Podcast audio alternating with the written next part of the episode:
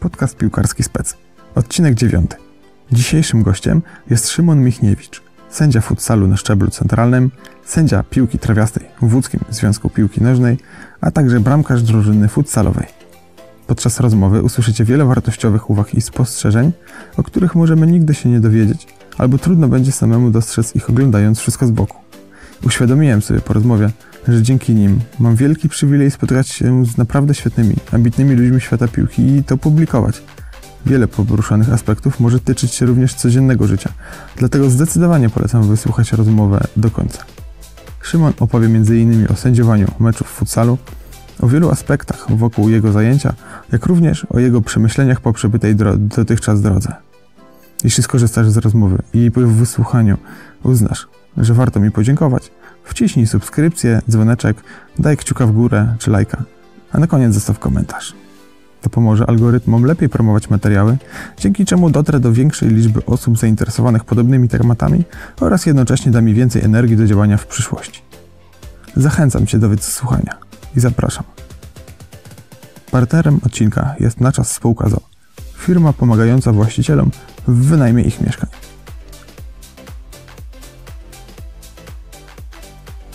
Piłką nożną interesowałem się od dziecka. Ciekawiło mnie, jak od środka wygląda prawdziwy świat piłkarski. Tego dowiedzieć się mogłem tylko od ludzi będących w samym jego centrum, jednocześnie wyróżniających się tym, co robią. Nasze rozmowy nagrywam i umieszczam w internecie jako podcast Piłkarski Spec. Zapraszam serdecznie, Sylwester na czas. Dzień dobry, witam Cię w podcaście Piłkarski Spec. Naszym dzisiejszym gościem jest Szymon Michniewicz. Cześć Szymon. E, Witam serdecznie. E, Jesteś aktywnym sędzią w Łódzkim Związku Piłki Nożnej oraz sędzią futsalu już w całej Polsce, a także bramkarzem w drużynie futsalowej e, Bur Regut w drugiej lidze futsalu. E, W chwili wywiadu masz 24 lata. Wszystko się zgadza. Super. Jak to się stało, że zostałeś sędzią? Dlaczego, mm, dlaczego poszedłeś w tą stronę? Mm, W wieku 17 lat uświadomiłem sobie, że raczej nie będzie ze mnie jakiś świetny zawodnik. E, I traf chciał, że też mój kolega z klasy, w nowej klasie w technikum też już był od roku sędzią i nakierował mnie na to, polecił mi pójście na kurs sędziowski. A ja, że e, akurat lubiłem, zawsze jakoś tak na meczach tramkarzy nie było asystentów, to zawsze jakoś z chorągiewką sobie machałem dla tych sędziów głównych. Co prawda oni tak średnio e, o mnie, e, średnio na mnie patrzyli, ale jakoś tak zainteresowało mnie to sędziowanie i w sumie w wieku 17 lat poszedłem na kurs ukończyłem go, ukończyłem go i zostałem sędzią piłkarskim. Mhm. Właśnie od, od, od jakiego wieku można? E, Od 16 roku życia można zostać sędzią w większości województw, e, chyba we wszystkich nawet. To jest minimalny wiek, na który można pójść, czyli 16 lat. Em, A, Niżej przepisy nie pozwalają. Mhm, rozumiem. E, Mówiłeś wcześniej, że nie, zauważyłeś, że nie będziesz dobrym piłkarzem. Jakoś trenowałeś w klubie jakimś jakby od młodych lat? Czy Tak, tak. Od y, czwartej klasy podstawówki, od 10 roku życia trenowałem e, w różnych lokalnych klubach e, w Łodzi. E, Ale raczej tam nigdy nie było tak, nigdy nie było jakiegoś tam szału, zawsze jakiś tam bramkarzem byłem jakimś tam, może pierwszym, może drugim, ale nigdy nie widziałem w sobie czegoś takiego, że mogłoby być to ponad to, powiedzmy, że jeszcze na ten poziom czwartej ligi, jakbym potrenował, to jeszcze może bym się złapał, ale wyżej, wyżej już nie. A jak wiemy, no czasem z pasji trzeba troszeczkę też pieniędzy zarobić. Eee, I tutaj wiedziałem, że mi się to kompletnie nie kalkuluje. Poświęcać tyle czasu na treningi, a czasami przez większość czasu nic nie otrzymywać z tego. I, I poszedłeś na kurs sędziowski i zostałeś sędzią e, takim meczów e, na trawie. Tak, na początku tak. Na początku można powiedzieć przez pierwszy rok jeździłem cały czas na mecze młodzików, orlików, czyli na małych dzieci, jakieś turnieje dla małych dzieci. mm, W różne miejsca po całym okręgu łódzkim, czyli na przykład nie wiem, 50 km, 50 kilometrów trzeba było jechać e, PKS-em, żeby gdzieś jakiś mecz posędziować, ale to budowało tak naprawdę, e, budowało charakter, budowało hart ducha, że jechało się tam z takim przekonaniem, że jak się tam pojedzie i wróci się e, do, do domu, to może, możle, możliwe w następnej kolejce otrzyma się jakiś lepszy mecz, jakieś fajniejsze, z fajniejszymi osobami, jakieś fajniejsze drużyny. Mm, No właśnie, mm, powiedziałeś, e, jak zostanie się sędzią, mm, to od e, czego się, od jakich klasy się zaczyna e, sędziowanie? Sędziowanie zaczyna się od klas właśnie od dzieciaków, tak powiedzmy ten rok się, pierwszy rok się sędziuje dzieciom. E, Potem jak się zostanie, oczywiście zdaje się egzaminy, zostaje się sędzią B klasy. I to jest dalej, potem idzie jak na, tra- można powiedzieć, sędzi- e, awans sędziów głównych idzie jak na trawie, jak na drużyny na trawie, czyli powiedzmy najlepsi awansują potem do A klasy wyżej. okręgówki, czwarte i tak dalej, i tak dalej, idą dalej. Co sezon jest awans też sędziego? Mogą być nawet co pół roku, a zdarza się tak, że niektóre mogą na przykład okręgi mieć w ogóle bardzo duże braki w sędziach, e, albo jakiś sędzia może być bardzo dobrze uzdolniony, że w ciągu roku potrafi awansować na przykład z B-klasy od razu posędziować na, zaczyna w B-klasie, a kończy na przykład w okręgówce. I jest to też taka praktyka na szczeblu centralnym, też się zdarzały, tak, zdarzały takie osoby, które potrafiły zacząć sezon w e, drugiej lidze, trzeciej, a na przykład skończyć w pierwszej lidze. Y, Prócz y, zwykłej piłki sędziujesz też futsal, prawda? Czym, Tak. czym się różni futsal od, od tej piłki właśnie jedno- 11-osobowej? Mm, Futsal różni się przede wszystkim tempem gry, e, piłką, mhm. piłką przede wszystkim, bo piłka jest mniejsza i cięższa, e, częścią przepisów, o których pewnie za chwilę też wymienimy sobie, e, ale przede wszystkim tutaj tym tempem gry i e, jeszcze tutaj mogę dorzucić e, zawziętością i walecznością. Jest sobie, futsal jest, mimo że chodzi taki posłuch, że jest to sport bezkontaktowy, że nie można ślizgów robić, jest to są to mity. Jest, e, przynajmniej na szczeblu centralnym, futsal jest o wiele, o wiele bardziej kontaktowym sportem, o wiele bardziej większym sportem, tak w cudzysłowie walki, niż e, mecze piłkarskie na trawie. Tam o wiele bardziej zawodnicy walczą, o wiele bardziej, że tak powiem kolokwialnie, stoją na nogach, nie szukają, nie szukają fauli. E, natomiast futsal też, futsal też ma, bardzo szybką, ma bardzo szybką grę. W ciągu, przykład taki jeden z, chociażby z meczu Ekstraklasy, w ciągu 5 sekund potrafiły wpaść dwie bramki dla dwóch różnych drużyn. No i też czas gry jest inny tutaj, czas, czas gry, czyli 2 razy 20 minut zatrzymywanego czasu gry efektywnego, czyli jak piłka wyjdzie, zatrzymujemy, każdy fał piłka wyjdzie, gramy 20 minut, czystej gry musi być. Czyli mm, tak naprawdę, jeżeli by nie przerywać tej gry, ten czas meczu mógłby być porównywalny do takiej piłki na trawie, czy... I jest, jeżeli mówimy, ile trwają mecze futsalu do meczów piłki nożnej, e, nie ma, ta, nie ma takiego dobrego porównania, ale e, na przykład wszystko zależy od hali, wszystko zależy od zespołu, wszystko zależy od klasy rozgrywkowej. Są mecze, które w ekstraklasie, które da się poprowadzić mecz 2 razy 30 minut, bo tak szybko jest gra, tak szybko się dzieje. Hala jest na tyle mała, że ta piłka jak wyjdzie, to szybko kładą, piłkę grają. Natomiast są hale tak wielkie, przykładowo e, w Warszawie na Banacha, gdzie jak piłka wyjdzie, to zanim zawodnik po nią pójdzie, zanim znajdzie piłkę, to ten czas upływa, upływa, upływa. Też oczywiście ilość fauli to ma, bo każdy faul ilość kontuzji. E, Zdarzają się połowy, które właśnie moim najszybszym meczem, jaki był na Ekstraklasie, to było 28 minut, czyli piłka była poza grą tylko 8 minut, a 20 minut grali. Natomiast zdarzył mi się też mecz, w którym e, jedna połowa trwała 50 minut.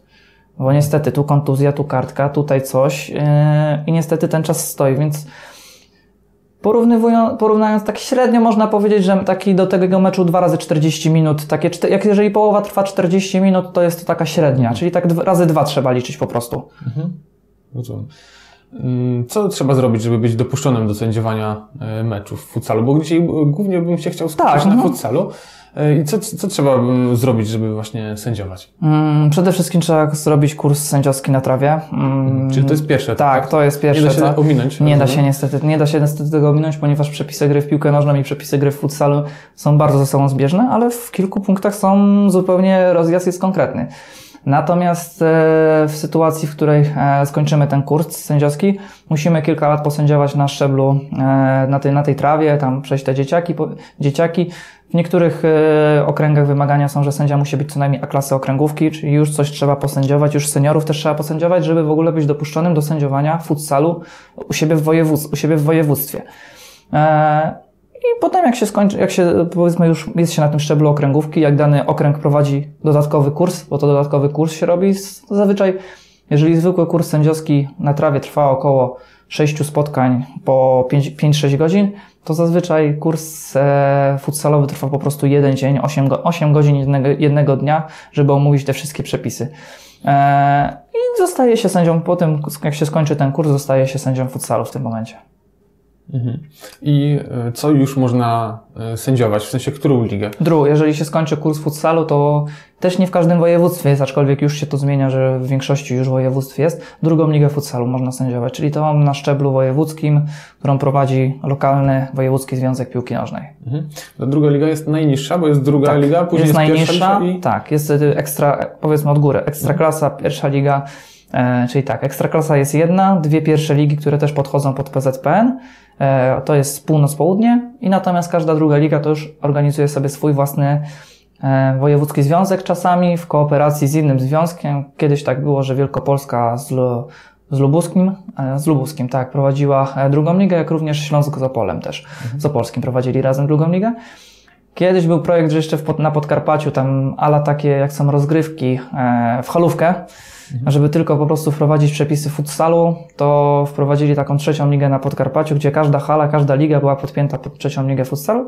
Też fajna sprawa, fajna promocja, że jest coś takiego, to nie jest liga halowa, tylko to jest liga futsalu, z której można ewentualnie potem awansować. Czyli dobrze rozumiem, czyli są tak jakby takie trzy e, klasy rozgrywkowe, tak? E, w No, tak głównie tak, Okej. ekstra, ekstra klasa pierwsza i druga. Mówiłeś właśnie też o halówce. Czym, mm, bo tak, mi na pierwszy rzut y, ucha, że tak powiem, y, kojarzy, y, futsal kojarzy się właśnie z takim, z, właśnie z piłką halową, jak graliśmy w WF-ach, na przykład w, w szkole. Czy to jest jakoś jakkolwiek związane, czy to jakieś podobieństwa, czy czym się E, różni jakby futsal? Po, podobieństwa są na pewno, no gra się na, gra się na hali, ale e, mm, futsal, a piłka halowa to jest zupełnie co innego. Jak już widzę, że jedziemy na jakiś turniej halowy, to musimy się na pewno dopytać, jakie przepisy mamy, bo to już powiedzmy każdy organizator sobie prywatnego turnieju e, coś innego ustala. Pierwszym takim mitem, który można opalić, obalić na futsalu jest zakaz ślizgów. Nie, na futsalu można robić ślizgi, e, jeżeli oczywiście nie są one kontakt, zbytnio kontaktowe, czyli e, nie ma tak jak, w FIFA, nie tak jak w FIFA, że trafi się w piłkę, można przeciwnika skasować, nie ma faulu. E, no tak nie ma. Natomiast są normalnie ślizgi, które wykonywane są, są bardzo dynamiczne ślizgi, natomiast które nie powodują jakieś tam ewentualne potknięcie się zawodnika. Zawodnik staje, otrzepie się i gramy dalej. E, Kolejną taką sytuacją, to już może nie mitem jest, ale e, sytuacją jest taką, że w czasie akcji można tylko raz podać do bramkarza swojego, na swojej, który znajduje się na swojej połowie.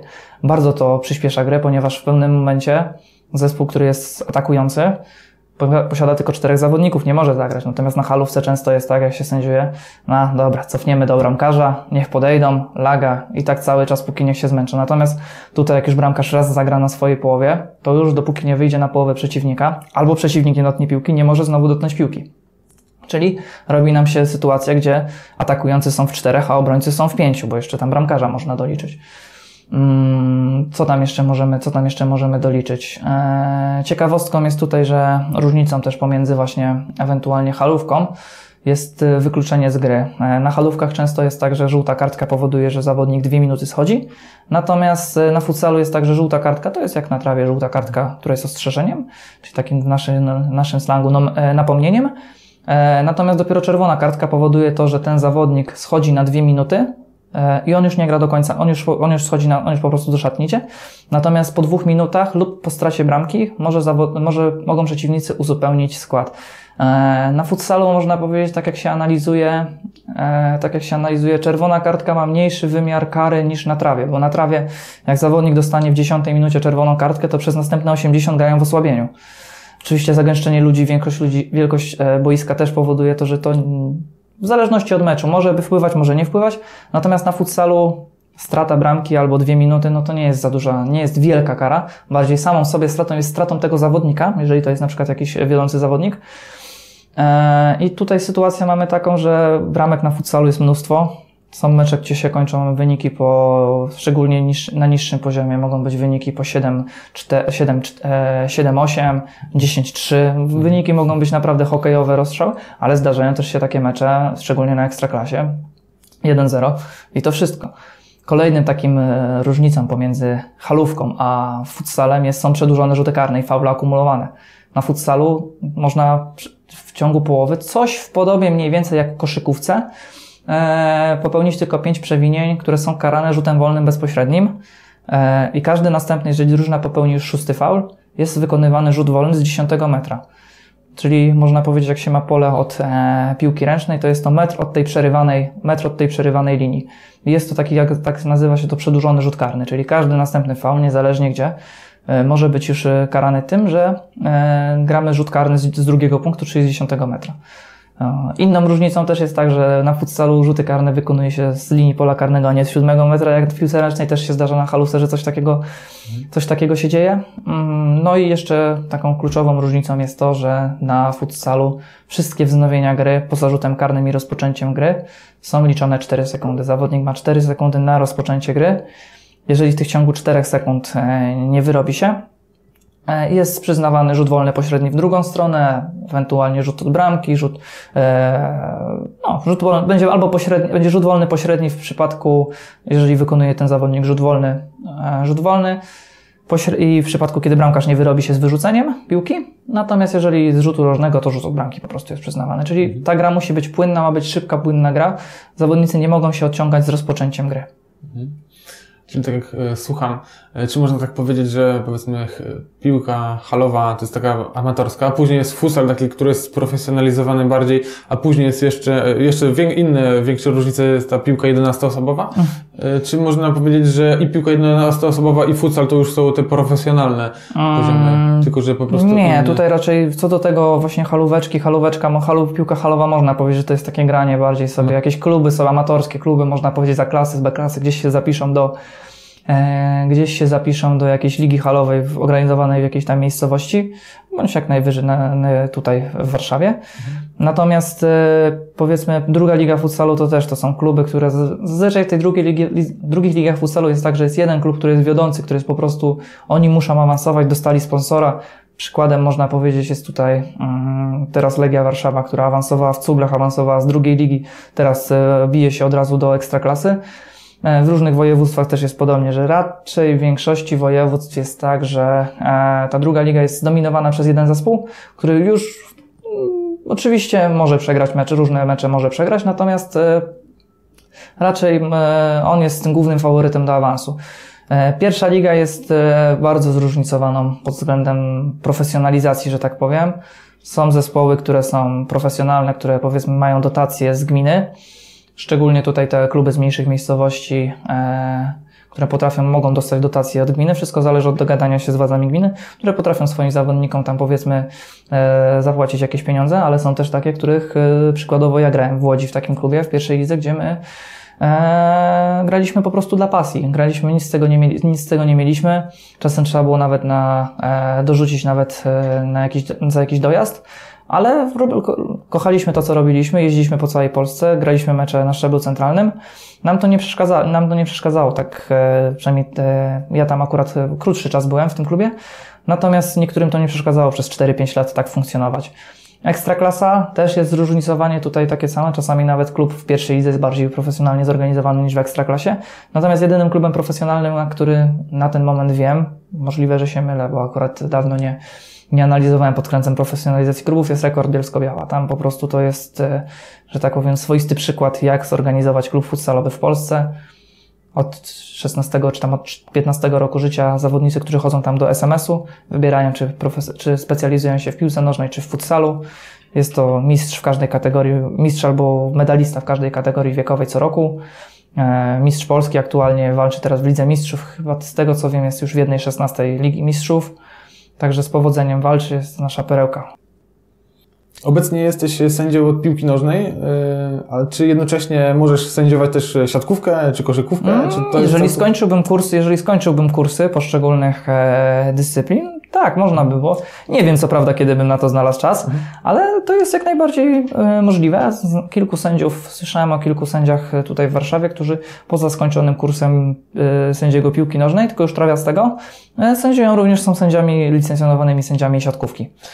Czyli chodzi o to, żeby mieć kurs, ukończony kurs, taki licencję na Tak, daną tak, dyscyplinę. doko- tak, tak, u- w, w danym związku sportowym. Y, Co na początku meczu e, futsalu musi sprawdzić sędzia? Mm, Przed meczem, kiedy powiedzmy, że będę mówił o tym szczeblu, że tak powiem, centralnym, e, mamy obowiązek przyjechać półtorej godziny przed meczem. Mm, I pierwsze co to, oczywiście witamy się z kierownikami, coś tam chwilkę porozmawiać, zbudować, e, że tak powiem, jakieś relacje pozytywne, które mogą nam pomóc w meczu dalej. E, Idziemy rozejrzeć się po hali. E, No, w Polsce była tylko, przynajmniej tak z dwa lata temu, jak jeszcze się też tak powiem interesowałem, e, była tylko jedna profesjonalna hala tylko do futsalu. Była to hala w Gliwicach, gdzie były wszyscy, tylko było oznaczenia futsalowe e, wypisane, wymalowane. E, Więc na tej hali nie trzeba było w ogóle sprawdzać linii, tam było wiadomo, że wszystko jest ok. Natomiast my musimy przed każdym meczem przejść na halę, sprawdzić, czy wszystkie oznaczenia są prawidłowo wykonane. E, wiadomo, im klub dłużej gra w futsal, tym ta hala, można powiedzieć, jest już przystosowana, stałe linie są narysowane e, na futsalu. Natomiast zdarza się tak, że e, czasem linie do futsalu są po prostu zrobione z taśmy klejącej, mm, żeby po prostu, żeby było je widać. Zasadniczo nie ma to problemu większego, bo mm, większość hal to są hale przystosowane do piłki ręcznej, a główny, główny, że tak powiem, linie okalające boisko, jak również bramka i pole karne są takie same jak w piłce ręcznej, więc ta główna linia jest, y, musi być widoczna i jest zazwyczaj jest widoczna, bo jest y, już do piłki ręcznej, jest tak można powiedzieć w podstawie już zrobiona. Natomiast są różne linie, na przykład 5 metrów, strefa zmian, e, przedłużony rzut karny, które czasami trzeba po prostu poprosić, albo strefa techniczna, trzeba poprosić kierowników. My czasami sami nawet to robimy, żeby kierowników nie angażować, jak to jest dosłownie minutka czy dwie, naklejenie dwóch plastrów i mamy sprawdzone boisko. Siatki też, siatki też sprawdzamy. Sędzia czasowy jak przyjedzie sprawdza zegar, jak działa, jak funkcjonuje, bo to też każda hala ma inny zegar. Natomiast e, po sprawdzeniu zegara, po sprawdzeniu boiska przeprowadzamy odprawę z kierownikami, czy damy radę rozgrzewkę zrobić, opiekę medyczną, takie ogólnie sprawy techniczne, w jakich strojach wszyscy gramy, o których wychodzimy, czy jest speaker. E, Potem już chwilkę mamy dla siebie w szatni, powiedzmy za jakieś pół godziny przed wychodzimy na, my sędziowie też wychodzimy na rozgrzewkę, wracamy z rozgrzewki, ustawiamy się i wychodzimy z klubami na boisko i gramy, sędziujemy. Ile sędziów e, powinno być na meczu, oprócz głównego? Jakieś są wyjątkowe sytuacje? Tutaj na futsalu, na futsalu jest dwóch sędziów boiskowych, biegających po dwóch e, liniach naprzeciw siebie. E, I jest jeszcze obowiązek, żeby był sędzia czasowy, czyli ten, co będzie siedział przy stoliku sędziowskim, notował tablicę, e, notował czas, e, pilnował czasu i prowadził, e, prowadził ewidencję, prowadził też ewidencję fauli. Jak również jest to też osoba, która ma prawo, jako członek zespołu sędziowskiego, w przypadku, gdy sędziowie czegoś nie widzą, ma prawo zainterweniować i na jego wskazanie udzielić jakiejś decyzji, napomnienia, może wykluczenia, wykluczenia zawodnikowi. I to jest do poziomu pierwszej ligi. Pierwsza, druga liga jest sędzia czasowy, jest jeden sędzia czasowy i dwóch wojskowych.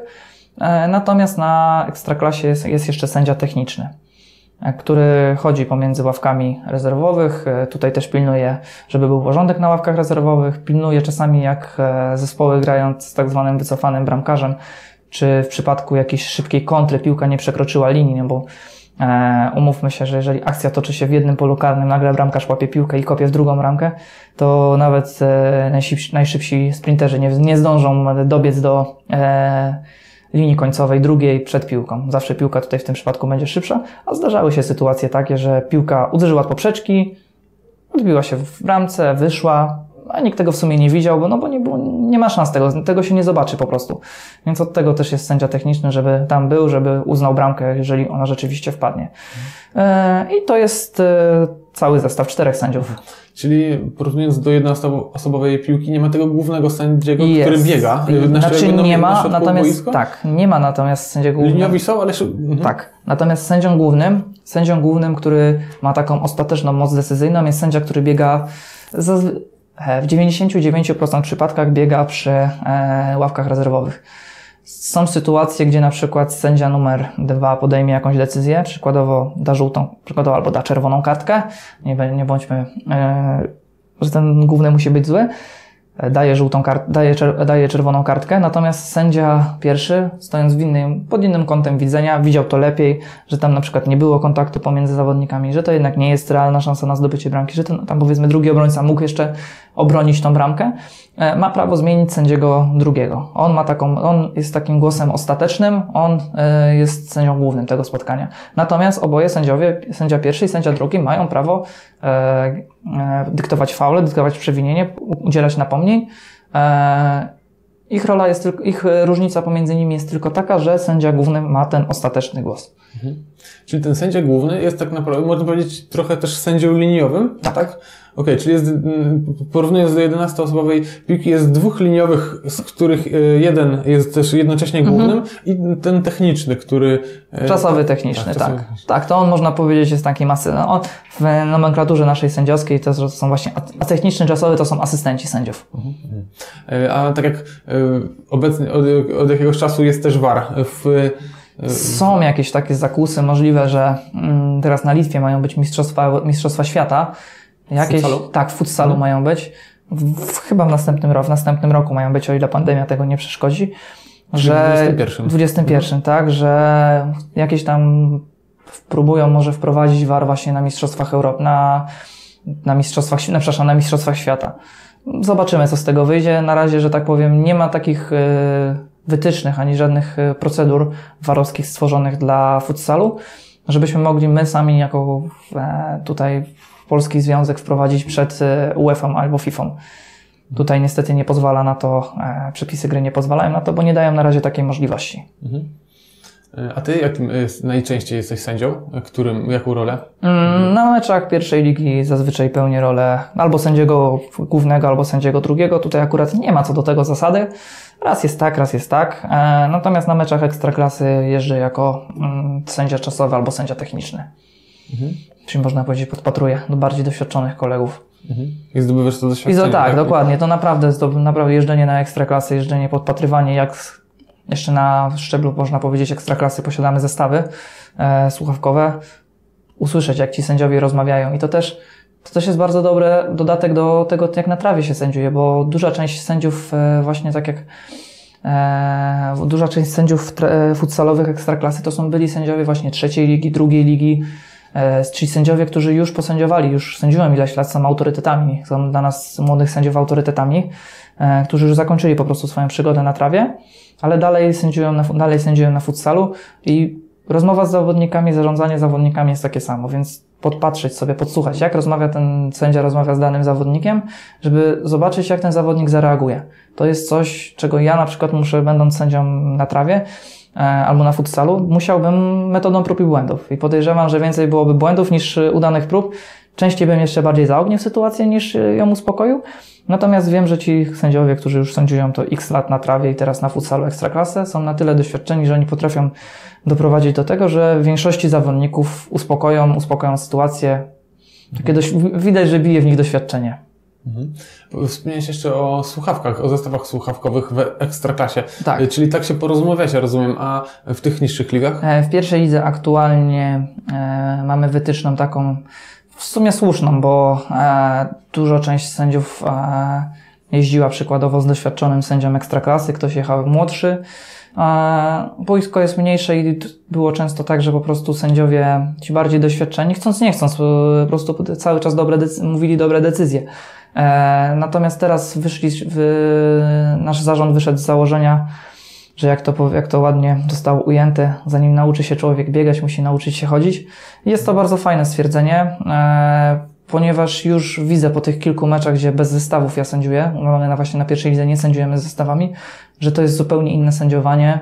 E, przede wszystkim kontakt wzrokowy z drugim kolegą, gdzie ten zestaw okazuje się potrzebny w jednej decyzji w meczu, może czasem w ogóle.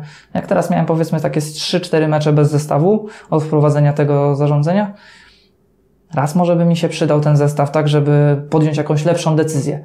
Natomiast jeżeli mamy kolegę, który jest po drugiej stronie, który nadaje na moich falach, że tak powiem, patrzymy na siebie, potrafimy rozczytać po mimice twarzy swojej, po jakichś ukrytych sygnałach, że jaka powinna, jaka powinna być decyzja.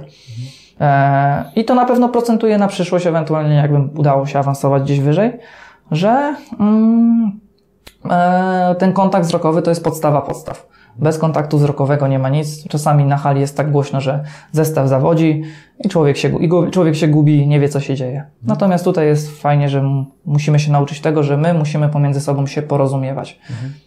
I ten kontakt wzrokowy jest mm, pomiędzy wami, chociaż wy powiedzmy widzicie się pierwszy raz w życiu, na przykład Zdarza się, tak, Właśnie. tak, zdarza się tak. Mm, Zdarza się tak, że szczególnie tutaj jeszcze jak na, poziomie pierwszej ligi mm, starają się nas wyznaczać w dwójkach, powiedzmy z tej samej miejscowości, z tego samego województwa, natomiast e, na Ekstraklasie często się zdarza tak, że jeden sędzia przyjeżdża z jednej strony, drugi z drugiej, Akurat oni się znają już bardzo dobrze, bo już x lat powiedzmy sędziują, natomiast jeszcze wracając do tego, zdarzało, już w tym sezonie miałem tak, że sędziowałem E, tak, każdy raz, za każdym razem miałem, miałem powiedzmy tych pięć meczy e, na poziomie pierwszej ligi, każdy mecz z innym sędzią sędziowałem, każdy mecz z inną osobą. E, i to jest tak naprawdę każdy mecz to jest, każda osoba to jest inny charakter, każda osoba ma mm, inne upodobania, każda osoba troszeczkę inaczej sędziuje, to taka troszeczkę musi być elastyczność e, z mojej strony, ale też ze strony kolegi, żebyśmy my znaleźli jakikolwiek kompromis. Czasami może się okazać, że mm, sędziom, którzy powiedzmy niżej sędziują, ale znajdzie się dwóch sędziów, którzy są na tym samym poziomie, na tym niższym poziomie, lepiej posędziują mecz niż osoby, które są e, dużo dłużej sędziują, ale są zupełnie innymi charakterami.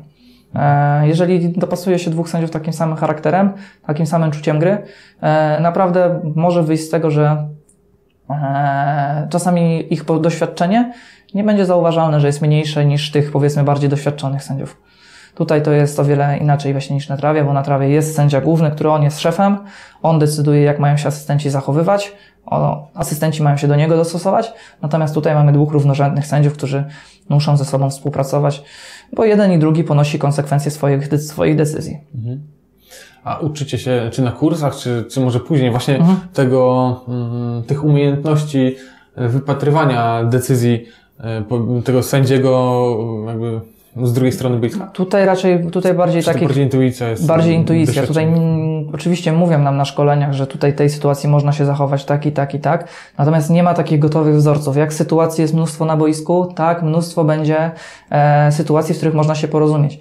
Na futsalu jest o tyle fajna sytuacja, że mm, jest prawo pomiędzy konsul... Jeżeli sędzia podejmie jakąś decyzję, nawet teraz niedawno byłem na meczu jako e, sędzia czasowy, gdzie była bardzo ciężka decyzja, czy powinna być żółta czy czerwona kartka. I sytuacja była taka, że sędzia drugi nie widział, była sytuacja taka, że bramkarz wyszedł poza pole karne, piłka trafiła go w nogę i e, od tej nogi upadając na ślizgu, bramkarz zagrał piłkę ręką. I teraz tak, sędzia, który podyktował, nie widział zagrania nogą. Natomiast sędzia, który stał z drugiej strony, nie widział zagrania, nie widział zagrania ręką. No i tu mamy rozbieżność, czy żółta, czy czerwona, czy żółta, czy czerwona kartka ewentualnie. E, Poszli do siebie i oczywiście można tutaj podejść, skonsultowali, porozmawiali. Jeden wytłumaczył, co widział, drugi wytłumaczył, co widział. Podjęli finalnie, podjęli finalnie taką i taką decyzję. Eee, czyli tutaj nie ma problemu, że jeżeli są bardzo ciężkie decyzje, które wpływają na wynik, nie ma problemu, możemy podejść do siebie, możemy ze sobą porozmawiać. Ile, raz, ile razy jest to potrzebne, tyle razy możemy, oczywiście nie przesadzając, że każdy aut. Natomiast jeżeli jest to kluczowa sytuacja dla meczu, bo jednak wykluczenie bramkarza jest kluczową decyzją dla meczu, mamy prawo się skonsultować, mamy prawo ze sobą się skonsultować i porozmawiać. Mhm. A czy mecze zawsze są w pełnym składzie sędziowskim, czy czasami może być tak, że któregoś sędziego y, nie ma, no i teoretycznie mecz też może się odbyć? Zasadniczo jest tak, że jeżeli mm, na mecze pierwszej ligi jesteśmy wyznaczani w trójkę, w mecze ekstraklasy jesteśmy wyznaczani w czwórkę, no to najważniejsze, żeby byli ci boisko, żeby było tych dwójka sędziów boiskowych, bo jeszcze... Boiskowych, czyli liniowych, tak? Liniowych, tak, tak, tak, dokładnie, czyli tych, co z gwizdkiem są, że tak powiem. E, to z nimi e, oni, muszą, oni muszą być przede wszystkim, najważniejsze jest to. Mm, jeżeli przykładowo jakiś sędzia e, z tych boiskowych nie dojedzie, bądź jakiś wypadek, rozstrój żołądka, cokolwiek mu się stanie, jego rolę przejmuje sędzia czasowy. Czyli on przychodzi, on zostaje boiskowym, natomiast no wtedy trzeba będzie, jeżeli nie uda się załatwić jakiejś osoby, która w okolicy jest, że tak powiem, sędzią futsalu, żeby przyjechał na ten jako sędzia czasowy, no to są różne opcje, że sami siada e, jakiś e, gospodarz, gospodarz obiektu, siada po prostu na tym, e, na, na stoliku, tylko wtedy ewentualnie już wszystko trwa powoli, żeby ewentualnie jakieś faule odpowiednio wbić, żeby protokoły były dobrze zrobione, albo po prostu sędziowie sami boiskowi piszą na kartce sobie, kto strzelił, e, kto dostał, kto dostał kartkę. Mhm. Bardziej po prostu ten sędzia główny po prostu spogląda cały czas na tego gospodarza, czy dobrze pilnuje czasu. Czas jest, najważ, czas jest można powiedzieć, najważniejszy. Mhm. Jeżeli, e, bo czas stoi, więc jeżeli zdarzą się jakieś problemy, zawsze można chwilę wstrzymać, żeby ten sędzia czasowy wypisał sobie wszystko na spokojnie, żeby wszystkie papiery, protokoły były ogarnięte na 100%. Więc y, ewentualnie dłużej się czeka, dłużej ten mecz będzie trwał, ale jak najbardziej zdarzają się czasem takie sytuacje. Mhm. Co w pracy sędziego jest najtrudniejsze Twoim zdaniem? Mm, presja. Jest presja zawodników, e, zachowanie, zachowania, różnych, zawodni, zachowania różnych zawodników, e, brak czasami zrozumienia zawodników co do niektórych decyzji i gdzie nie można postąpić inaczej, bo tak stanowią przepisy gry, gdzie nie do końca nam się to nawet podoba. Są sytuacje, w których e, chcę dać czerwoną, chciałbym dać czerwoną, ja osobiście chciałbym dać czerwoną kartkę, ale nie mogę, bo przepisy gry mówią, że za to i za to przewinienie jest tylko i wyłącznie żółta kartka. Albo przepisy każą czerwoną kartką, szczególnie tutaj za zachowanie na ławkach rezerwowych, gdzie często rozumiem, że bierze się to po prostu z, emo- z czystych emocji, po prostu ja sam grałem i to nawet nie jest, że na sędziego, tylko po prostu i sędzia i sytuacja po prostu na to wpływa. A niestety przepisy mówią wprost, że jest to e, czerwona kartka. Takim koronnym przykładem, który niedawno się zmienił, to jest to, że jeżeli zawodnik rzuci butelką i ta butelka, nie daj Boże, wtoczy się na boisko, gdzie tam bardzo bliskie są odległości, e, to jeszcze zawodnik jak zawodnik, ale jeżeli trener to zrobi albo kierownik, osoba funkcyjna, jest za to czerwona kartka. Gdzie ja wiem, że ten kierownik nie zrobił tego dlatego, że to moja była wina, czy coś takiego. On nawet nie ma dom, może nawet do mnie, nie- on nawet do mnie może nie mieć pretensji o to, że akurat wystąpił ten karny, stracili bramkę, ale niestety go emocje tak poniosły, że jego zespół tak nawalił. Jemu się ręka omknęła, wpadła butelka na boisko, niestety za to jest czerwona kartka. No ale tutaj też to, tego brak zrozumienia, właśnie tego brak zrozumienia. E, Na futsalu też jest szybkość gry, jest bardzo, tutaj trzeba naprawdę czuć tę szybkość gry. E, Bardzo ważny jest też na futsalu poziom fauli. Trzeba zastosować jeden stały poziom fauli, ponieważ każdy faul to nie jest tak jak na trawie, że w, środ- a, w środku pola to jakiś tam miękki faul, dobra. Gwiznę, nic się nie stanie, to jest tylko w środku pola. Na futsalu każdy faul ma znaczenie z kwestii przedłużonego rzutu karnego. Statystyki mówią, że co trzeci przedłużony rzut karny to jest bramka. Także to jest, to jest duża, to jest spora szansa na zdobycie bramki. A wiadomo, im lepszy zespół, tym większe szanse na zdobycie bramki. E, więc tutaj ten poziom fauli ten i koncentracja przede wszystkim. To co chwila coś się dzieje, tak jak wspominałem, że w ciągu 5 sekund, e, ostatnio na meczu Ekstraklasie w ciągu 5 sekund, ostatnich 5 sekund wpadły dwie bramki dla każdych z dwóch drużyn. E, bo tak się dzieje. Jedni strzelili bramkę, pach, pach, e, a dru- grali, jedni grali z lotnym bramkarzem, czyli mm, bramkarzem, który grał jako zawodnik z pola. Strzelili bramkę, cofnęli się, no to drudzy zaczęli grać z lotnym bramkarzem. 3-4 podania, bramka i mamy, cztery, mamy dwie bramki w ciągu 4 sekund. Więc tutaj to jest na pewno, to jest na pewno tutaj e, kluczowe, czyli ta koncentracja. E, no i właśnie ten, i tutaj też ten, ten kontakt wzrokowy, przede wszystkim z drugim, z drugim kolegą. Tutaj to jest taki bardzo ważny, bardzo ważny aspekt. Jeżeli to jest, to na pewno większość meczy, e, mecze stają się o wiele łatwiejsze. E, Co Twoim zdaniem trzeba zrobić, żeby być dobrym sędzią? Jakie umiejętności, predyspozycje trzeba posiadać? Mm, Sędzia musi być przede wszystkim dobrym psychologiem, Mm, no, wiedzieć do jakiego zawodnika jak się odezwać, żeby go uspokoić. E, tutaj można powiedzieć, że ogólnie będę mówił i trawie i na futsalu, bo akurat to są bardzo zbieżne ze sobą e, sytuacje. Wiadomo, że mamy zawodnika, który lubi sobie bardziej pogadać, to do niego trzeba inaczej podejść. Mamy na przykład młodego zawodnika, który już zaczyna, że tak powiem, od pierwszej decyzji już e, protestować. Jego można, że tak powiem, troszeczkę mocniej opitolić za to, za jego zachowanie. Natomiast do starszego zawodnika trzeba spróbować podejść jakoś tak na, raz, na spokojnie, porozmawiać na początek. Ale to też tak jest, mamy pierwszą sytuację, kiedy jest wynik 0-0. Potem jak przegrywają, to już jest kompletnie inny nastrój charakterów. Jak wygrywają, można sobie co innego pozwolić zawodnikami. To wszystko przychodzi z doświadczeniem. Natomiast ilu jest zawodników? No, typy są mniej więcej, ale do jednego, jeden ma jakieś po prostu fobię na punkcie jakiegoś słowa, że już ma dosłownie agresor mu się e, odpala w stosunku do sędziego, jeżeli powie, że zostaw, puść, e, nie trzymaj. E, czy takie, można powiedzieć, prewencyjne rzeczy, żeby faulu nie było. Natomiast inni jak najbardziej od razu się reagują, że puszczają i, i e, wiedzą, co, co się święci ewentualnie, więc to jest taka psychologia, żeby e, umieć rozmawiać z różnym typem ludzi w różnym stanie ich emocjonalnym. E, co jest kolejne takie? E, stanowczość na futsalu. To jest to właśnie, jeżeli nie bałem się gwiznąć takiego pierwszego, drugiego, trzeciego faulu, to nie mogę się bać gwiznąć takiego szóstego faulu. E, to jest przedłużone rzuty karne w futsalu zostały wprowadzone, żeby, tak jak często na hali się zdarza, na takiej halówce, o której wspominali, wspominaliśmy, dużo fauli, jakiegoś pchnięcia, ciągnięcia i tak tych fauli czasami jest więcej niż bramek. Natomiast na futsalu właśnie zostało to ukrócone, żeby nie było tyle fauli, żeby ta gra była z pozoru bardziej czysta. E, czyli trzeba cały czas stanowczo gwizdać to samo, ten sam poziom fauli, który już się podyktował, którzy zawodnicy też akceptują, bo są mecze, gdzie naprawdę jest rypanka taka ciężka, dosłownie bark w bar, tutaj jakieś ciągnięcia. E, pchają się, ciągną, ale nikt nie chce, wszyscy chcą grać, w ogóle nikt nawet słowa się do, sędziego nie odezwie, aczkolwiek są takie mecze, które e, wszystko, dosłownie jak na halóweczce, lekkie dotknięcie, lekkie pchnięcie, zawodnik pada, już wyolbrzymia ten kontakt, no i co, no pchnął go zawodnik, nie walczył o piłkę, trzeba to, trzeba to podyktować. I niestety tak, zdarza się, że już mamy szóstą minutę, a my już mamy po cztery faule z jednej i drugiej drużyny dziesiąta minuta, już mamy piąty fał, następny to przedłużony rzut karny i nagle coś się zawodnikom jednak, że jednak nie będą aż tak bardzo walczyć. E, tutaj jakąś różnicą jest dziwną, że na północy i na, południu, na północy i na południu są różne. Na północy o wiele bardziej, ten, na, na północy o wiele bardziej są zawodnicy, że tak powiem, e, skorzy do taka większa jest ta gra, mi się wydaje. Natomiast na południu, ten Śląsk, Małopolska, gdzieś te Podkarpacie, tam to są mecze takie, że lepiej nie przeszkadzać. Sędzia ma po prostu nie przeszkadzać. Oni będą walczyć, oni się nie kłócą o to, że któryś któregoś mocniej ewentualnie. Oczywiście, jak jakiś popełni fal, to wiadomo, to jest jednak, e, musimy go podyktować, musimy dać żółtą kartkę. Natomiast jakieś pchnięcie, delikatne ciągnięcie, tam nikt nawet słowa o to nie powie. Dalej zawodnicy walczą, wiedzą o co, wiedzą o co chodzi w tym sporcie. E, co jeszcze może być największym takim e, no decyzyjność, na pewno czucie gry musi być, właśnie to czucie gry musi być, czyli wiedzieć kiedy jest faul, kiedy nie ma faulu. Mm, o rozmowie już wspominałem, tutaj też stanowczości, o sekwencji, koncentrację też trzeba umieć, trzeba też umieć koncentrację, no i przede wszystkim trzeba być otwartym na e, krytykę. E, nawet nie zawodników, ale ona też musi, też trzeba mieć twardą skórę, że zawodnicy to nie sobie mówią, co mówią, ale jak inne osoby jakieś uwagi mówią, nie można nawet jak się jest w top w topów, nie można mówić, że jest się już pępkiem świata, że wszystko się umie.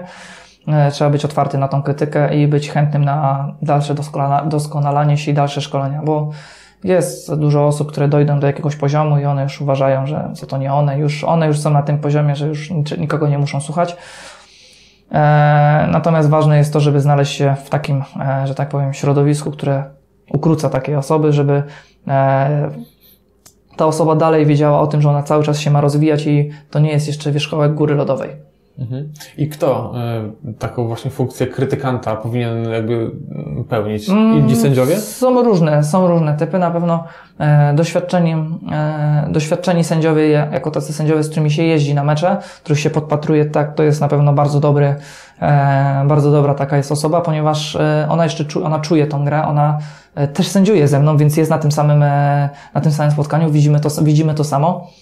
E, to jest ale, tak można powiedzieć, ale taki mentor, czyli osoba, która opiekuje się taką, opiekuje się taką osobą, sprawia, żeby ona cały czas się rozwijała. Natomiast drugą osobą jest tutaj obserwator, czyli były sędzia. Były sędzia, który ocenia już stricte ocenia nasze sędziowanie pod względem decyzji, naszego zarządzania, poruszania się i tym podobnym.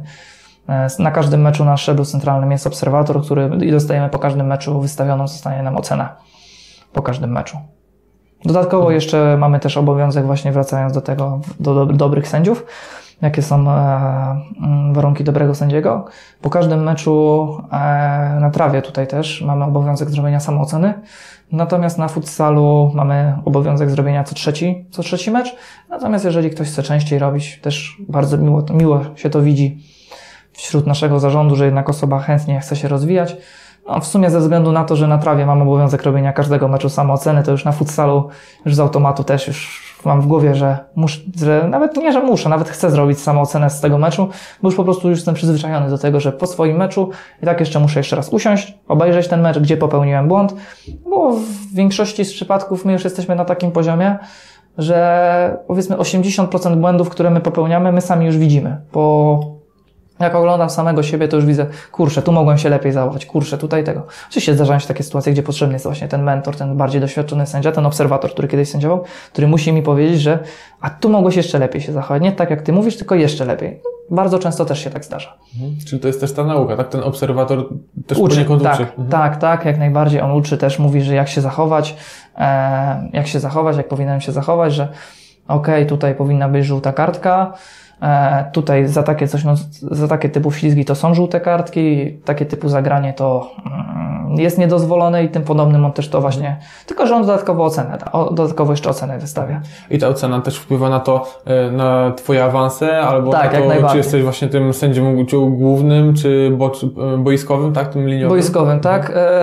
Tutaj mamy na futsalu taki podział na sędziów, którzy Mamy cztery kategorie, mamy, jest nas dwie, mamy dwie ligi, a mamy podział na cztery kategorie. E, Są jeszcze dodatkowo rozgrywki, oczywiście poza męskimi są rozgrywki kobiece i rozgrywki młodzieżowe, które też sędziujemy. I tak, oceny mają znaczenie, oceny mają znaczenie. No jest to, można powiedzieć, jeden z głównych wyznaczników do tego, czy sędzia, e, można powiedzieć, może awansować do hierarchii wyżej, czyli powiedzmy z tej pierwszej ligi do ekstraklasy, czy jeszcze musi, powiedzmy, zostać w tej lidze, jeszcze okrzepnąć się, pouczyć troszeczkę tego sędziowania.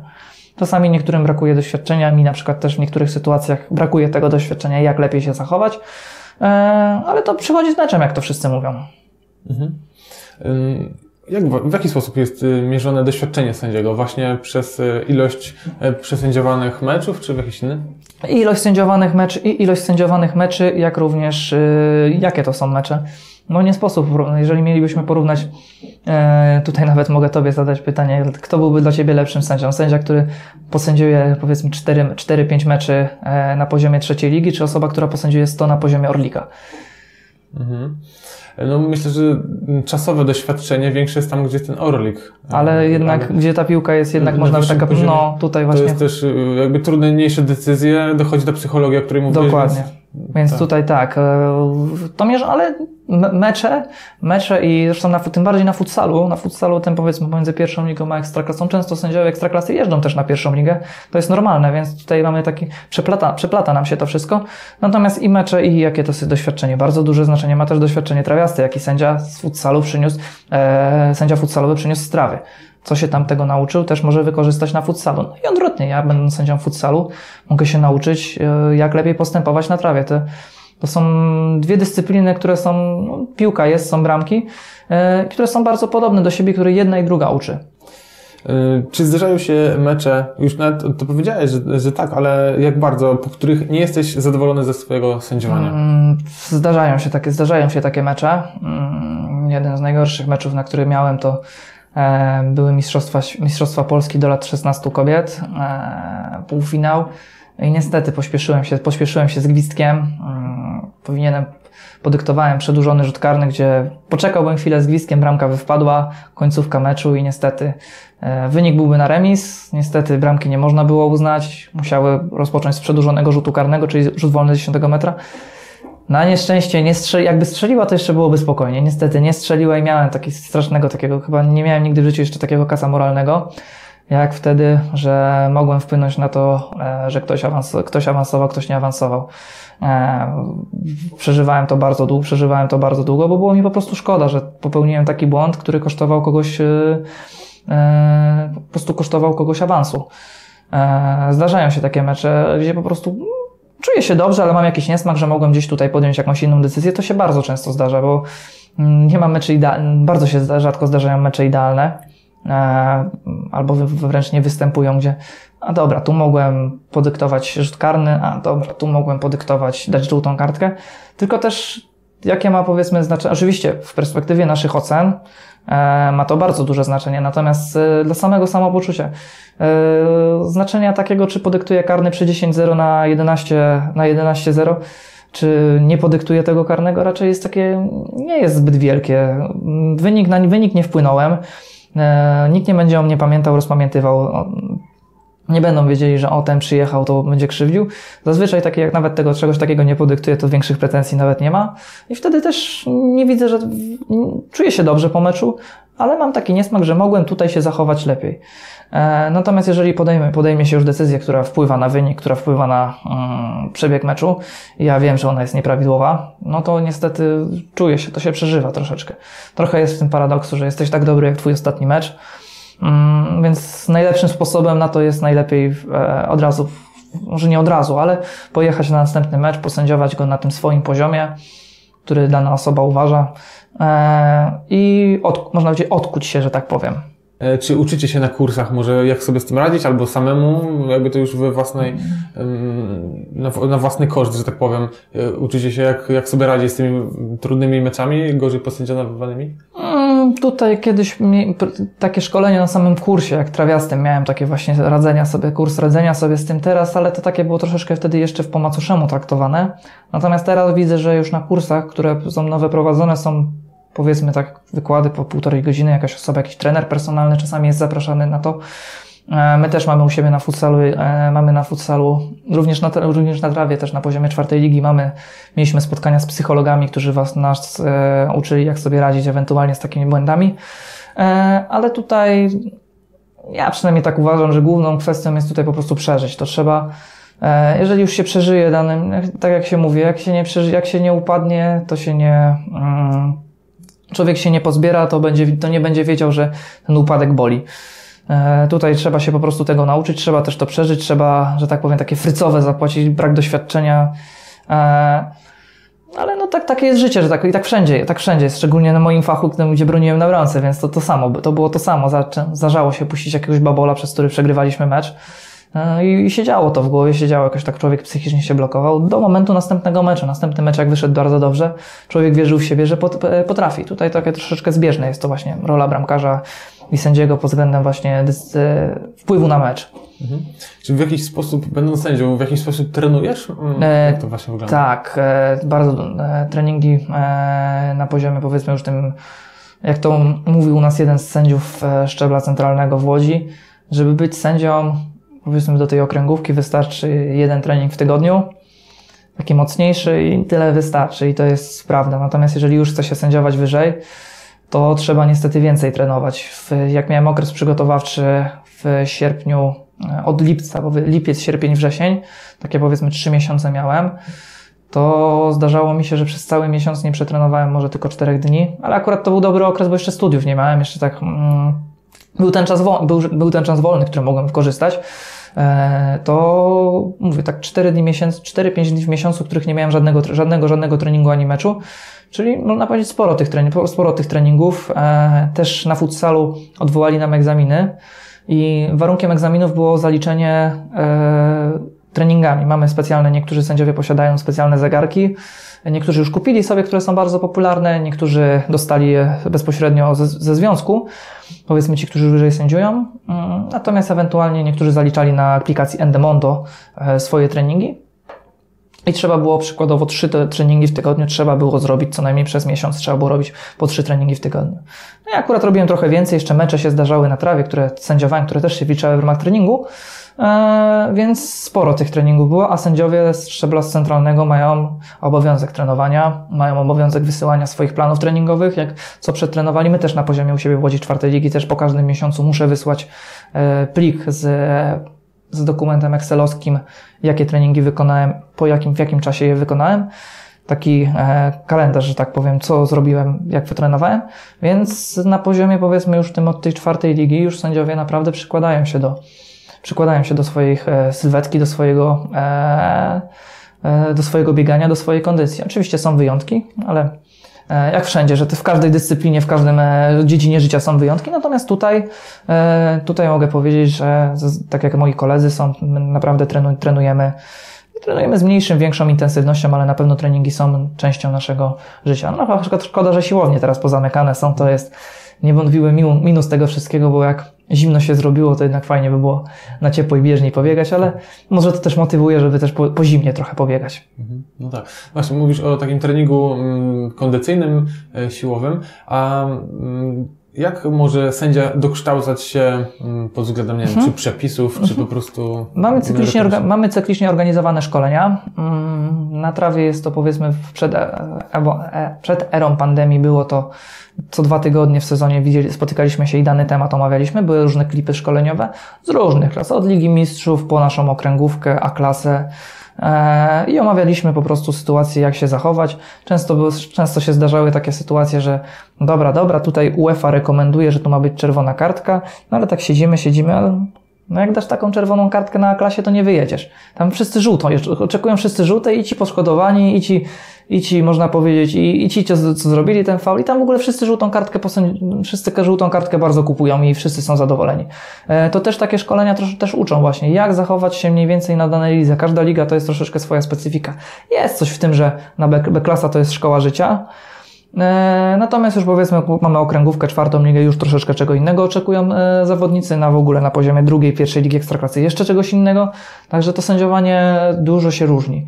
Na futsalu tak samo, mamy też cyklicznie szkolenie. Na- futsalu w ogóle też jest troszeczkę inaczej, bo mamy e, zgrupowania. Raz na pół roku przed pandemią mieliśmy, raz na pół roku mieliśmy pandemię, natomiast sędziowie ekstraklasy e, co trzy, miesiące, co trzy miesiące mieli zgrupowania, na których przez dwa dni można powiedzieć, e, kolokwialnie mówiąc, tłukli, tłukli klatki sędziowskie ze swoich meczy, ze meczów powiedzmy z innych lig, ale głównie ze swoich meczów po prostu analizowali pod kątem nie wiem, zagrania piłki ręką, pod kątem ślizgów, pod kątem co jest czerwoną kartką, a co żółtą.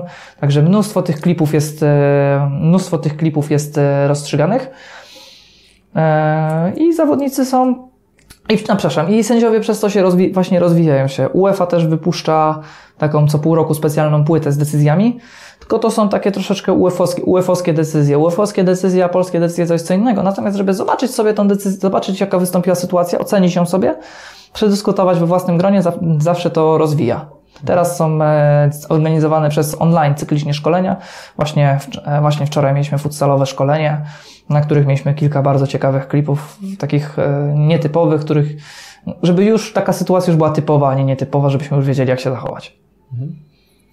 A ty teraz sędziujesz tylko futsal, czy na zmianę raz futsal, raz piłkę? Zima jest teraz, więc zima jest, jest futsal, tylko- już jest tylko futsal. Natomiast w, w szczebel centralny futsalu zaczyna, co Cię może zaskoczę, Ekstraklasa zaczęła już w ogóle e, 4 września, e, 7, przepraszam, września, natomiast pierwsza liga zaczęła 21 września, także mieliśmy ponad prawie dwa miesiące, e, mieliśmy połączenia z tego. No, sędziuję, że tak powiem, w takim momencie sędziuję na zmianę. Jak wyznaczy, to są mm, osoby, które, osoba odpowiadająca za piłkę nożną, osoba odpowiadająca za futsal, to są inne osoby, które wyznaczają na, mają inne zupełnie paczki meczów, które wyznaczają. Więc, yy, że tak powiem, trzeba, jest, jest, troszeczkę gimnastyki, żeby to pogodzić, aczkolwiek jest to, jest to możliwe. A właśnie te osoby dwie e, w- od futsalu od 11-osobowej e, nie wyznaczył Cię tego samego dnia e, do dwóch meczów? E, Jak to jest? Czy one w porozumieniu jakoś działają? Bo futsal nie jest działają w ogóle, odrębny. odrębny. W ogóle odrębny jest, nie działają w porozumieniu. E, Na całe szczęście sytuacja, sytuacja była taka, że przez pandemię też duża ilość zawodników futsalowych na poziomie pierwszej ligi wróciła do grania w pierwszej, wróciła do grania na trawie, ze względu na to, żeby trochę pieniędzy zarobić. Kluby futsalowe też troszeczkę musiały przyciąć pasa i 90% meczy na pierwszej lidze, którą ja sędziuję, odbywało się w niedzielę, więc nie kolidowało mi to. Natomiast na trawie mecze odbywały się w sobotę, której, tej czwartej ligi, której ja sędziuję. Jeden mecz, może dwa maksymalnie na 10 było rozgrywane tylko w tylko w niedzielę. Więc y, o tyle było dobrze, że można było w tym, w tym sezonie można było to pogodzić. E, w poprzednim roku jeszcze jak sędziowałem, powiedzmy, byłem tą klasę niżej, byłem tak bardziej e, z doskoku sędzią pierwszej ligi, to w ogóle mi to nie przeszkadzało, bo raczej jak w sezonie e, trawiast, sezonie trawiastym, takim w pełni pojechałem dwa, trzy razy na mecz pierwszej ligi, to już było i tak uważałem, że to jest bardzo dobra ilość tych meczy, więc nie przeszkadzało mi to jeszcze. Natomiast teraz jak już, e, a tam ewentualnie jak dostawałem mecze rok temu, to był jakiś sędzia stolikowy, a sędzia stolikowy jest miejscowym. Więc można było to jakoś pogodzić, że po prostu meczu serwestego pojechać na mecz futsalu jako sędzia czasowy. Natomiast w tym roku, w tym roku mówię, tak było, że sobota bardziej trawa, niedziela bardziej, niedziela bardziej futsal. Aczkolwiek zdarzały się niżej w sobotę, pojechałem na futsal i w niedzielę na trawę. A co wolisz bardziej sędziować? Trawę czy futsal? Mm, wiesz co, nie ma to tak, że e, piłka albo 11-osobowa, albo futsalowa. Uważam, że te obie dyscypliny się e, uzupełniają. Mm, piłka 11-osobowa jest o tyle fajna, że jest to no jest to piłka po prostu ta piłka nożna. To jest to, e, to co na co wszyscy ludzie patrzą, e, to gdzie po prostu piłkarze i sędziowie robią kariery. Natomiast futsal uczy, futsal uczy szybkości podejmowania decyzji, tego koncentracji, tego wszystkiego, tych wszystkich takich czynników. Tu mała hala, tu trzeba odpowiednio powiedzieć. Jak powiedzmy na trawie mogę się wydrzeć do zawodnika i tego nikt nie usłyszy, to na hali jak się wydrze, to kibice to słyszą przy okazji i podłapią, co ja mówię do niego. To jest takie... Jedno i drugie się bardzo, jedno i drugie się bardzo uzupełnia i nie potrafiłbym powiedzieć, e, co jest, że tak powiem. Futsal na pewno uwielbiam grać. Jeżeli miałbym wybrać, jeżeli miałbym powiedzieć, co wolę grać, czy na trawie, czy na futsalu, w ciemno mówię, że wolę grać w futsal. Futsal, w granie na futsalu to jest coś, co się, można powiedzieć, zakochałem. E, o wiele bardziej mi pasuje bycie na bramce na futsalu i to nawet nie ze względu na to, że bramka jest mniejsza, tylko raz, że tych sytuacji, tych sytuacji jest więcej, jest e, cały czas coś się dzieje. Troszkę inna specyfika, troszkę inna specyfika bronienia jest. Natomiast jeżeli mm, wracając do sędziowania, e, czy futsal, czy 11-osobowa, tutaj nie, nie dam takiej odpowiedzi, bo co przyniesie, tak napra- co przyniesie tak naprawdę życie? Może się okazać, że za rok nagle na trawie mi zacznie super iść i pójdę na trawie wyżej. Może się okazać tak, że na futsalu będę super sędziował, pójdę na futsal wyżej. E, nie chcę sobie na pewno żadnej drogi, za, żadnej drogi zakopywać e, i z jednym, i jedną i drugą dyscyplinę e, traktuję jak najbardziej poważnie, jak najbardziej w drugiej chcę się rozwijać. No, na pewno w zimę wolę sędziować futsal, tak, bo cieplej, bo jest cieplej. Mhm. Natomiast w okresie trawiasto-futsalowym mm, staram się to jak najbardziej pogodzić. Mhm. E, czy należysz do jakiejś organizacji sędziowskiej? E, musisz płacić składki? Mhm. Mm, tak, e, należę do Wydziału Sędziowskiego, do Wydziału Sędziowskiego w Łodzi. W łódzkim co roku musimy opłacać licencje sędziowskie, które są, pieniądze, które przeznaczamy na te licencje sędziowskie są mm, przeznaczane na naszą edukację, czyli powiedzmy wynajęcie sali, gdzieś na jakiś wyjazd, zorganizowanie jakiegoś wyjazdu. Także można powiedzieć, ja wiem, że jeżeli zapłacę za tą licencję ileś tam złotych, to wiem, że to będzie dla mnie z korzyścią, gdzie na przykład wyjedziemy sobie, y, wyjeżdżaliśmy sobie jako Wydział Sędziowski w Łodzi, e, wyjeżdżaliśmy sobie przykładowo do Kleszczowa na jakiś e, jednodniowy, na dwudniowy na przykład wyjazd sobie szkoleniowy, gdzie tam najwyżej dopłacaliśmy jakieś 30, 40, 50 zł, gdzie za lokalizację. Lokalizacja bardzo dobra, z basenem, ze wszystkim. Myślę, że to są naprawdę bardzo małe pieniądze. E, dodatkowo z tych pieniędzy też idzie na zakup wody, zakup jakiegoś sprzętu, który nam jest potrzebny, ewentualnie jakieś nag dla nagród, dla, dla najlepszych kursantów albo najlepszych osób, które najlepiej na szkoleniach się udzielają. Także tak, płacimy e, składki. Mm. Ile taka składka wynosi? W zależności od klasy rozgrywkowej. W moim przypadku e, jest tak, że sędziowie, którzy zaczynają pierwsze dwa lata, płacą złotóweczkę tylko. Natomiast potem cyklicznie to rośnie, B-klasa powiedzmy chyba 60 zł, ja natomiast jako czwarta liga i sędzia futsalu 150 zł płacę. Jest to tak, że niezależnie, czy 160, to jest e, niezależnie, czy byłbym sędzią futsalu, czy sędzią czwartej ligi, płacę, te, płacę tą stawkę, bo stawka jest za daną, za daną wyższą ligę. Czyli mogę przykładowo być sędzią czwartej ligi, mogę być sędzią ekstraklasy, to jeżeli ekstraklasa ma wyższą stawkę licencji, to płacę tylko za tą stawkę ekstraklasy. I to jest roczna opłata. Tak, roczna opłata. Dodatkowo jeszcze płacimy na taki specjalny fundusz, e, e, fundusz pośmiertny, w przypadku gdyby ktoś z naszych kolegów albo że przykładowo mi coś by się stało, to moja rodzina e, ma prawo do zapomogi, dostać, do, dostać zapomogę. Jak również płacimy też taki fundusz, dodatkowy fundusz, tam są jakieś 30-40 zł też na sezon, to jest drobne sprawy, drobne sprawy, z których też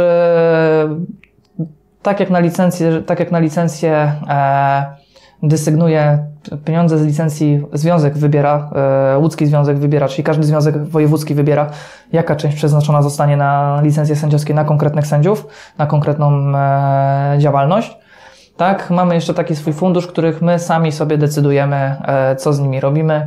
E, sami sobie sędziowie w swoim gronie, przykładowo organizujemy sobie turniej, e, turniej halowy sobie organizujemy, idziemy razem spotykamy się na jednej, wynajmujemy sobie halę, spotykamy się, gramy sobie, może po jakąś wigilię razem organizujemy też z tych pieniędzy właśnie takich składkowych naszych. Taki można powiedzieć, ale jak samorząd klasowy miał swoje pieniądze na jakieś wigilie, coś takiego, to my też coś takiego mamy podobnego. Mhm.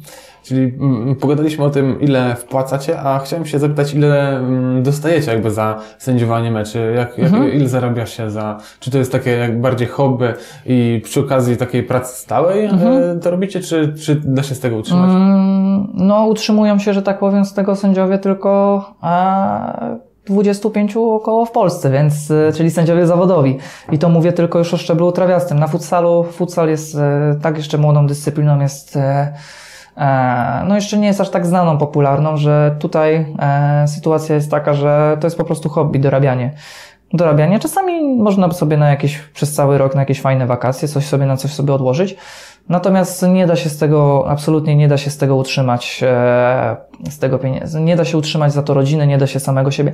Dla studenta, którego rodzice, powiedzmy, rodzice mu pomagają wynająć akademik, e, gdzieś tam, powiedzmy, jeszcze dostaje jakieś tam pieniądze, jest to opcja taka, że mm, albo nie ma kosztów w ogóle, zamiast e, pracy, jeżeli nie musi, nie ma żadnych kosztów, to jako hobby, jako taka praca, e, praca traktować to jako pracę zarobkową, dorywczą, tak, to jest jak najbardziej, jak najbardziej można. Sam tak robiłem, kiedy jeszcze e, mieszkałem z rodzicami tak traktowałem sędziowanie, nie chodziłem nigdzie do pracy, do żadnych powiedzmy e, fast foodów ani kawiarni pracować, tylko po prostu moją pracą było sędziowanie i dało się z tego powiedzmy tam 1000, 1000 1500 w zależności jaki miesiąc, to jak dało się wyciągnąć, także pieniądze, które dla osoby, jak ja miałem wtedy 18-20 lat, naprawdę można było coś z tego otworzyć, można można było coś odłoży, odłożyć, można było gdzieś wyjść też na miasto, nie trzeba było, że tak powiem, też prosić się rodziców o pieniądze.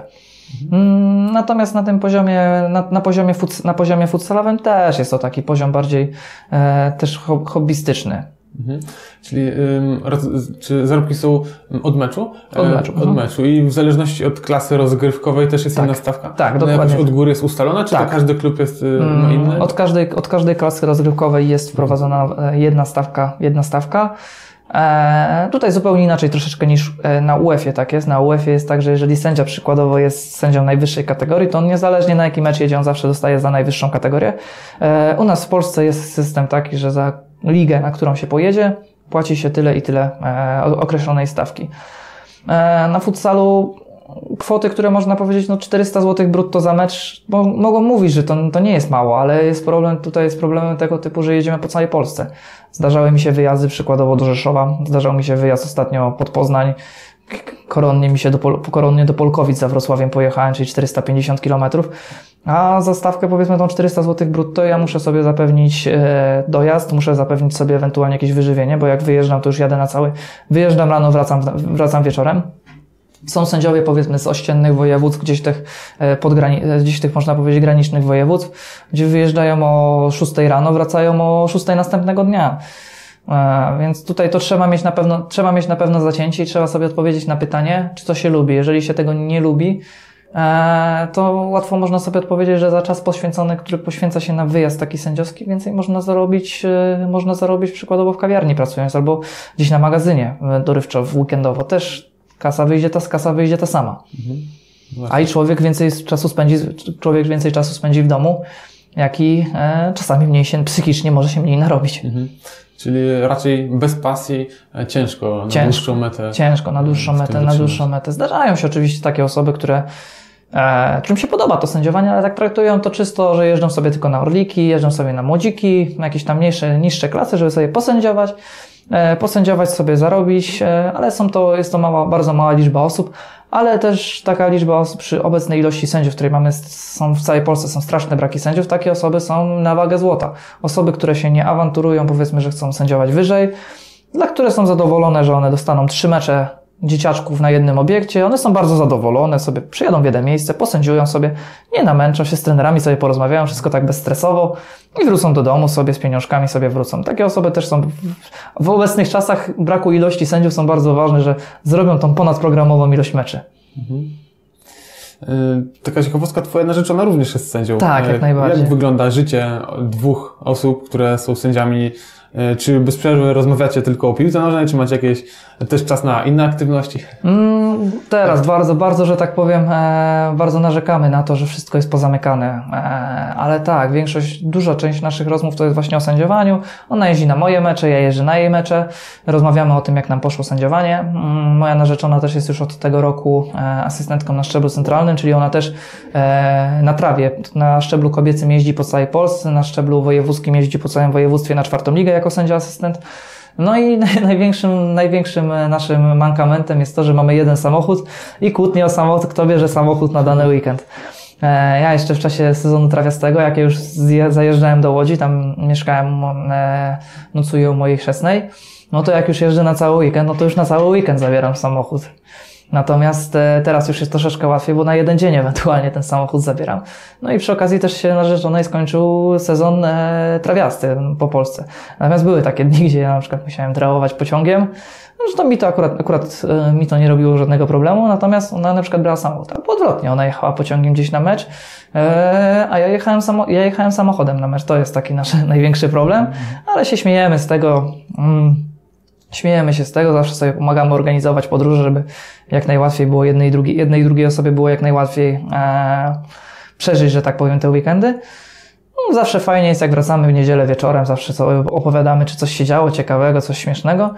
Natomiast naszą pasją są przede wszystkim góry. Są. My uwielbiamy jeździć w góry i to jest właśnie ten mankament tego naszej tej pandemii, że z najwyższą chęcią byśmy nawet teraz wyjechali po prostu, już mamy też dosyć zdalnej nauki i tego wszystkiego, żeby wyjechać w góry i pochodzić sobie po górach, gdzieś się zmęczyć w tych górach, a przy okazji trening zrobić też, to też jest jako taki mm, pozytyw. Eee, więc chyba tyle. Mm, Jedna rzecz, która, którą zrobiłbyś inaczej, lepiej w swoim życiu, gdybyś mógł zrobić to ponownie. Co to by było? Mm, dwa lata temu miałem cięż, dwa lata temu miałem ciężki wypadek samochodowy, bo wra- wracałem z egzaminów właśnie futsalowych. E, i niestety e, wracałem, w nocy, wracałem w nocy właśnie do Warszawy, e, gdzie mogłem zostać, gdzie mogłem zostać w Łodzi już zostać na noc, ale stwierdziłem, że chcę wrócić tutaj, chcę wrócić tutaj do Warszawy.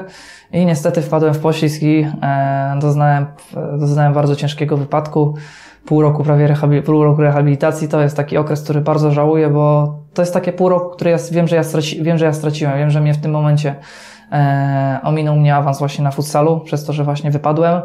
Ominął mnie e, na trawie też. Co prawda wtedy udało się awansować, udało się. Jak wypadek miałem w grudniu, w kwietniu wyszedłem na pierwszy mecz i udało się awansować do czwartej ligi. Jednak to nie było to, co się czułem na jesień, na, kiedy ja czułem się naprawdę w gazie bardzo dobrze. E, I wiem, że wtedy bym na pewno został, wtedy bym na pewno został, e, zostałbym w domu w Łodzi, nie jadąc na pewno w taką pogodę. Rozumiem. Jesteś, jesteś młodą osobą, y, młodym sędzią. Jakie masz dwie najważniejsze rady dla młodych i ambitnych osób, które chciałyby zacząć przygodę właśnie z sędziowaniem? Mm, Przede wszystkim osoby, które chcą zacząć sędziować, serdecznie zapraszam, serdecznie do tego zapraszam, żeby poszły na kurs sędziowski. E, Z dwóch, z dwóch, powo- z dwóch powodów. Można znaleźć naprawdę fantastycznych ludzi, fantastycznych przyjaciół na całe, na całe życie, których by się nigdy nie poznało. Mamy mnóstwo kolegów, kolegów, przyjaciół, których ewentualnie jak będę organizował ślub w przyszłości, wiem, że na pewno muszę ich zaprosić, bo po prostu tak się, zabar- tak się zaprzyjaźniliśmy. E, czyli to pierwszy, pierwszy, mom- pierwszy moment to jest naprawdę fantastyczne towarzystwo. E, drugą opcją jest to, że jeżeli ktoś naprawdę e, lubi piłkę nożną, wie, że się nie będzie spełniał, wie, że się nie za bardzo go ciągnie już do grania, bo wie, że będzie tym piłkarzem okręgówki A klasy, e, a też trenerka go za bardzo nie ciągnie. Też zostanie trenerem troszeczkę dużo więcej kosztuje niż dużo więcej czasu trzeba poświęcić na bycie trenerem piłki nożnej. E, polecam właśnie sędzio, polecam sędziowanie, żeby zostać w, tej piłce, zostać w tej piłce nożnej, cały czas mieć styczność z tymi zawodnikami, a też jest, jeżeli ktoś był piłkarzem, jeżeli kojarzą, jeżeli powiedzmy lokalną gwiazdą okręgówki, lokalnej, oka- lokalną gwiazdą A-klasy w swojej okolicy, jak jedzie na mecze może być naprawdę, może być dwa, trzy razy gorszy od jakiegoś bardzo doświadczonego sędziego, ale jego wszyscy znają i to jest zupełnie inne sędziowanie. Dlatego osoby, które grają w piłkę, jak naprawdę, tak naprawdę polecam pójście na kurs sędziowski. E, ale też na tym kursie trzeba potem mieć świadomość, że wszystko musi przyjść po kolei. To nie jest tak hop siup, hop siup, że można e, w ciągu dwóch lat można powiedzieć, jak się grało w Orlik, no przepraszam, w juniorach, nagle grać w czwartej lidze. Tam troszeczkę trzeba pokory nabrać, trzeba i trzeba mieć na pewno taką pokorę, że e, przez te pierwsze dwa, trzy lata no nie będzie się mistrzem świata, nie będzie się drugim e, niepopularnym w ostatnim czasie Marciniakiem czy, e, czy Koliną. E, trzeba cały czas być właśnie, tak jak mówiłem, otwartym na krytykę, otwartym cały czas e, na samo rozwijanie się. Jaki, jaki widzisz jeden największy problem w świecie piłki nożnej, za który wiele byś dało, żeby go nie było? Hmm, ciężkie pytanie. Mm, Może czegoś Ci brakuje, czegoś potrzebowałbyś dla lepszego rozwoju, e, lepszego przeglądu informacji, może coś Ci przeszkadza? Ciężko mi tak naprawdę odpowiedzieć tutaj pod względem czysto, pod względem czysto piłkarskim. Wydaje mi się, że wydaje mi się, że nie. Tutaj e, jedyne co z- perspektywy sędziowania też raczej tutaj czasy takich ciężkich, e, powiedzmy, troszeczkę układów, układzików minęły już, że tak powiem, wszystko jest o wiele bardziej, wszystko jest o wiele bardziej w sędziowaniu rzetelne. E, tutaj na pewno to jest w perspektywie tych kilku lat wszystko się zmieniło na plus. Mm, Troszeczkę, że tak powiem, ale to tak ja lajkiem jestem. Bym powiedział, że te licencje trenerskie troszeczkę mnie tak dziwią, że trenerzy, którzy kończą szkoły po AWF-ach, e, którzy mają bardzo wie, wysoką wiedzę, w końcu 5 lat studiują w- anatomię człowieka, jak człowiek się zachowuje, jego e, mm, motorykę i tym podobnym, e, muszą iść tak naprawdę dalej na kurs trenerski i są na tym samym poziomie, są na tym samym poziomie co trenerzy, którzy chodzą przez, e, na kurs weekendowy, chodzą na kurs weekendowy. Może to mnie dziwi, że te osoby po AWF-ach powinny mieć taki już, taki zapewniony dostęp już powiedzmy do tego UF, UFAB, to jest co najmniej uważam, co powinny mieć te osoby po, po takich AWF-ach. I chyba to jest to największe, takie zdziwienie po prostu. Znaczy, nie mnie też to oceniać jest, nie mnie to też oceniać, nie, nie siedzę w tym, tylko tak z zewnątrz, jeżeli już to tak dziwnie to tak wygląda. Jaki był twój piłkarski idol w dzieciństwie? Dlaczego? Mm, Iker Casillas był moim, moim piłkarskim idolem, był Iker Casillas. E, Kibicowałem za, za dzieciaka, kibicowałem Realowi Madryt. Uwielbiałem Ikera Casillasa, tak. Był on niewysoki wzrostu bramkarzem, który potrafił wiele osiągnąć. E, Raczej był taką osobą, nie był kontrowersyjną postacią. Bardziej kojarzy się wszystkim, przynajmniej z tych czasów e, mojego dzieciństwa, czyli tych lat, lat zerowych lat 2000 e, pozytywnie się kojarzy, że nie było z nim żadnych, nie było żadnych problemów, żadnych kontrowersji z tym piłkarzem, a był to dla mnie święty piłkarz. Każdy odcinek podcastu wspiera zaproponowany przez gościa cel charytatywny. E, Masz jakiś pomysł na dzisiaj? Jaki, co byśmy mogli wspierać? Ze względu na to, że mój wydział sędziowski co roku organizuje szlachetną paczkę dla e, różnych rodzin, zaproponowałbym, żeby osoby, jeżeli są chętne na jakiś cel charytatywny, po prostu dołożyły się lub wybrały swoją rodzinę do szlachetnej paczki lub zebrały się w jakąś kupę i po prostu pomogły e, najbiedniejszym rodzinom w tym okresie świątecznym. Super. E, Jeśli ktoś chciałby znaleźć więcej informacji o Tobie, to gdzie można znaleźć? Mm, Raczej nie ma o mnie. Nie jestem raczej taką osobą mega media, nie jestem raczej taką osobą mega medialną, mega nastawioną na tak zwany fame. Raczej staram się, raczej staram się tym kryć. Zresztą jak to, jak to jest mówione, dobry sędzia jest wtedy, kiedy nic o nim nie mówią. Zawsze najlepszą gratyfikacją po meczach jest to, że mecz się kończy 4-4. Styków, no straszna stykówka, karne, niekarne, czerwone kartki, a po meczu wszyscy dziękują, po meczu nikt nawet słowa o sędziach nie mówi. To jest największa gratyfikacja i raczej trzymamy się tego jako sędziowie, że mm, staramy się nie ujawniać, że tak powiem, staramy być tym, gdzieś się tam schować, żeby nie budzić żadnych kontrowersji. Więc raczej ciężko będzie, raczej, raczej ciężko mnie znaleźć jakieś informacje. Jeszcze na, na takim poziomie, żebym był na 90 minut, nie jestem. Okej, to w takim razie, jeśli ktoś będzie miał jakieś pytania e, ze słuchaczy do Ciebie, ewentualnie pod filmem w komentarzach e, zadawajcie, a jeżeli Szymon będzie miał możliwość Jak To najbardziej, pod, tak, jak najbardziej, jeżeli będą pytania pod, e, i koment, przepraszam, pytania będą w komentarzach, jak najbardziej postaram się albo za, albo za Twoim pośrednictwem, jako Twój kanał, albo ja sam jako z prywatnego profilu odpiszę e, i postaram się odpowiedzieć na każde pytanie. Super. Bardzo Ci dziękuję za Ja również dziękuję rozmowę. bardzo. Było miło z Tobą rozmawiać. Mi również było Dzięki miło, dziękuję bardzo. Dzięki. Cieszę się, jeśli dotarłeś do tego momentu odcinka. Mam nadzieję, że wyniesiesz z niego wiele ciekawych i wartościowych informacji. Na koniec, jak zawsze, mam prośbę o zostawienie komentarza. Co myślisz o rozmowie? Może jakieś sugestie dotyczące tego odcinka, może przyszłych? Masz pomysł, kto ciekawy mógłby zagościć w podcaście? Napisz proszę swoją propozycję w komentarzach. Jeśli masz pytanie do dzisiejszego gościa, napisz je w komentarzu. Myślę, że chętnie na nie odpowie. Jeśli rozmowa Ci się podobała i wyniosłeś bądź wyniosłaś z niej coś dla siebie, zareaguj. Daj łapkę w górę lub w dół, subskrypcję i dzwoneczek, lajka lub, lub coś w ten deseń. To doda mi jeszcze więcej energii, żeby tworzyć podobne materiały. Udostępnij lub prześlij link, jeśli ktoś z rodziny czy znajomych może być zainteresowany tym tematem. Będę Ci bardzo wdzięczny za każdą pomoc w szerzeniu podcastu. Do usłyszenia w kolejnym odcinku w sobotę za dwa tygodnie. Cześć!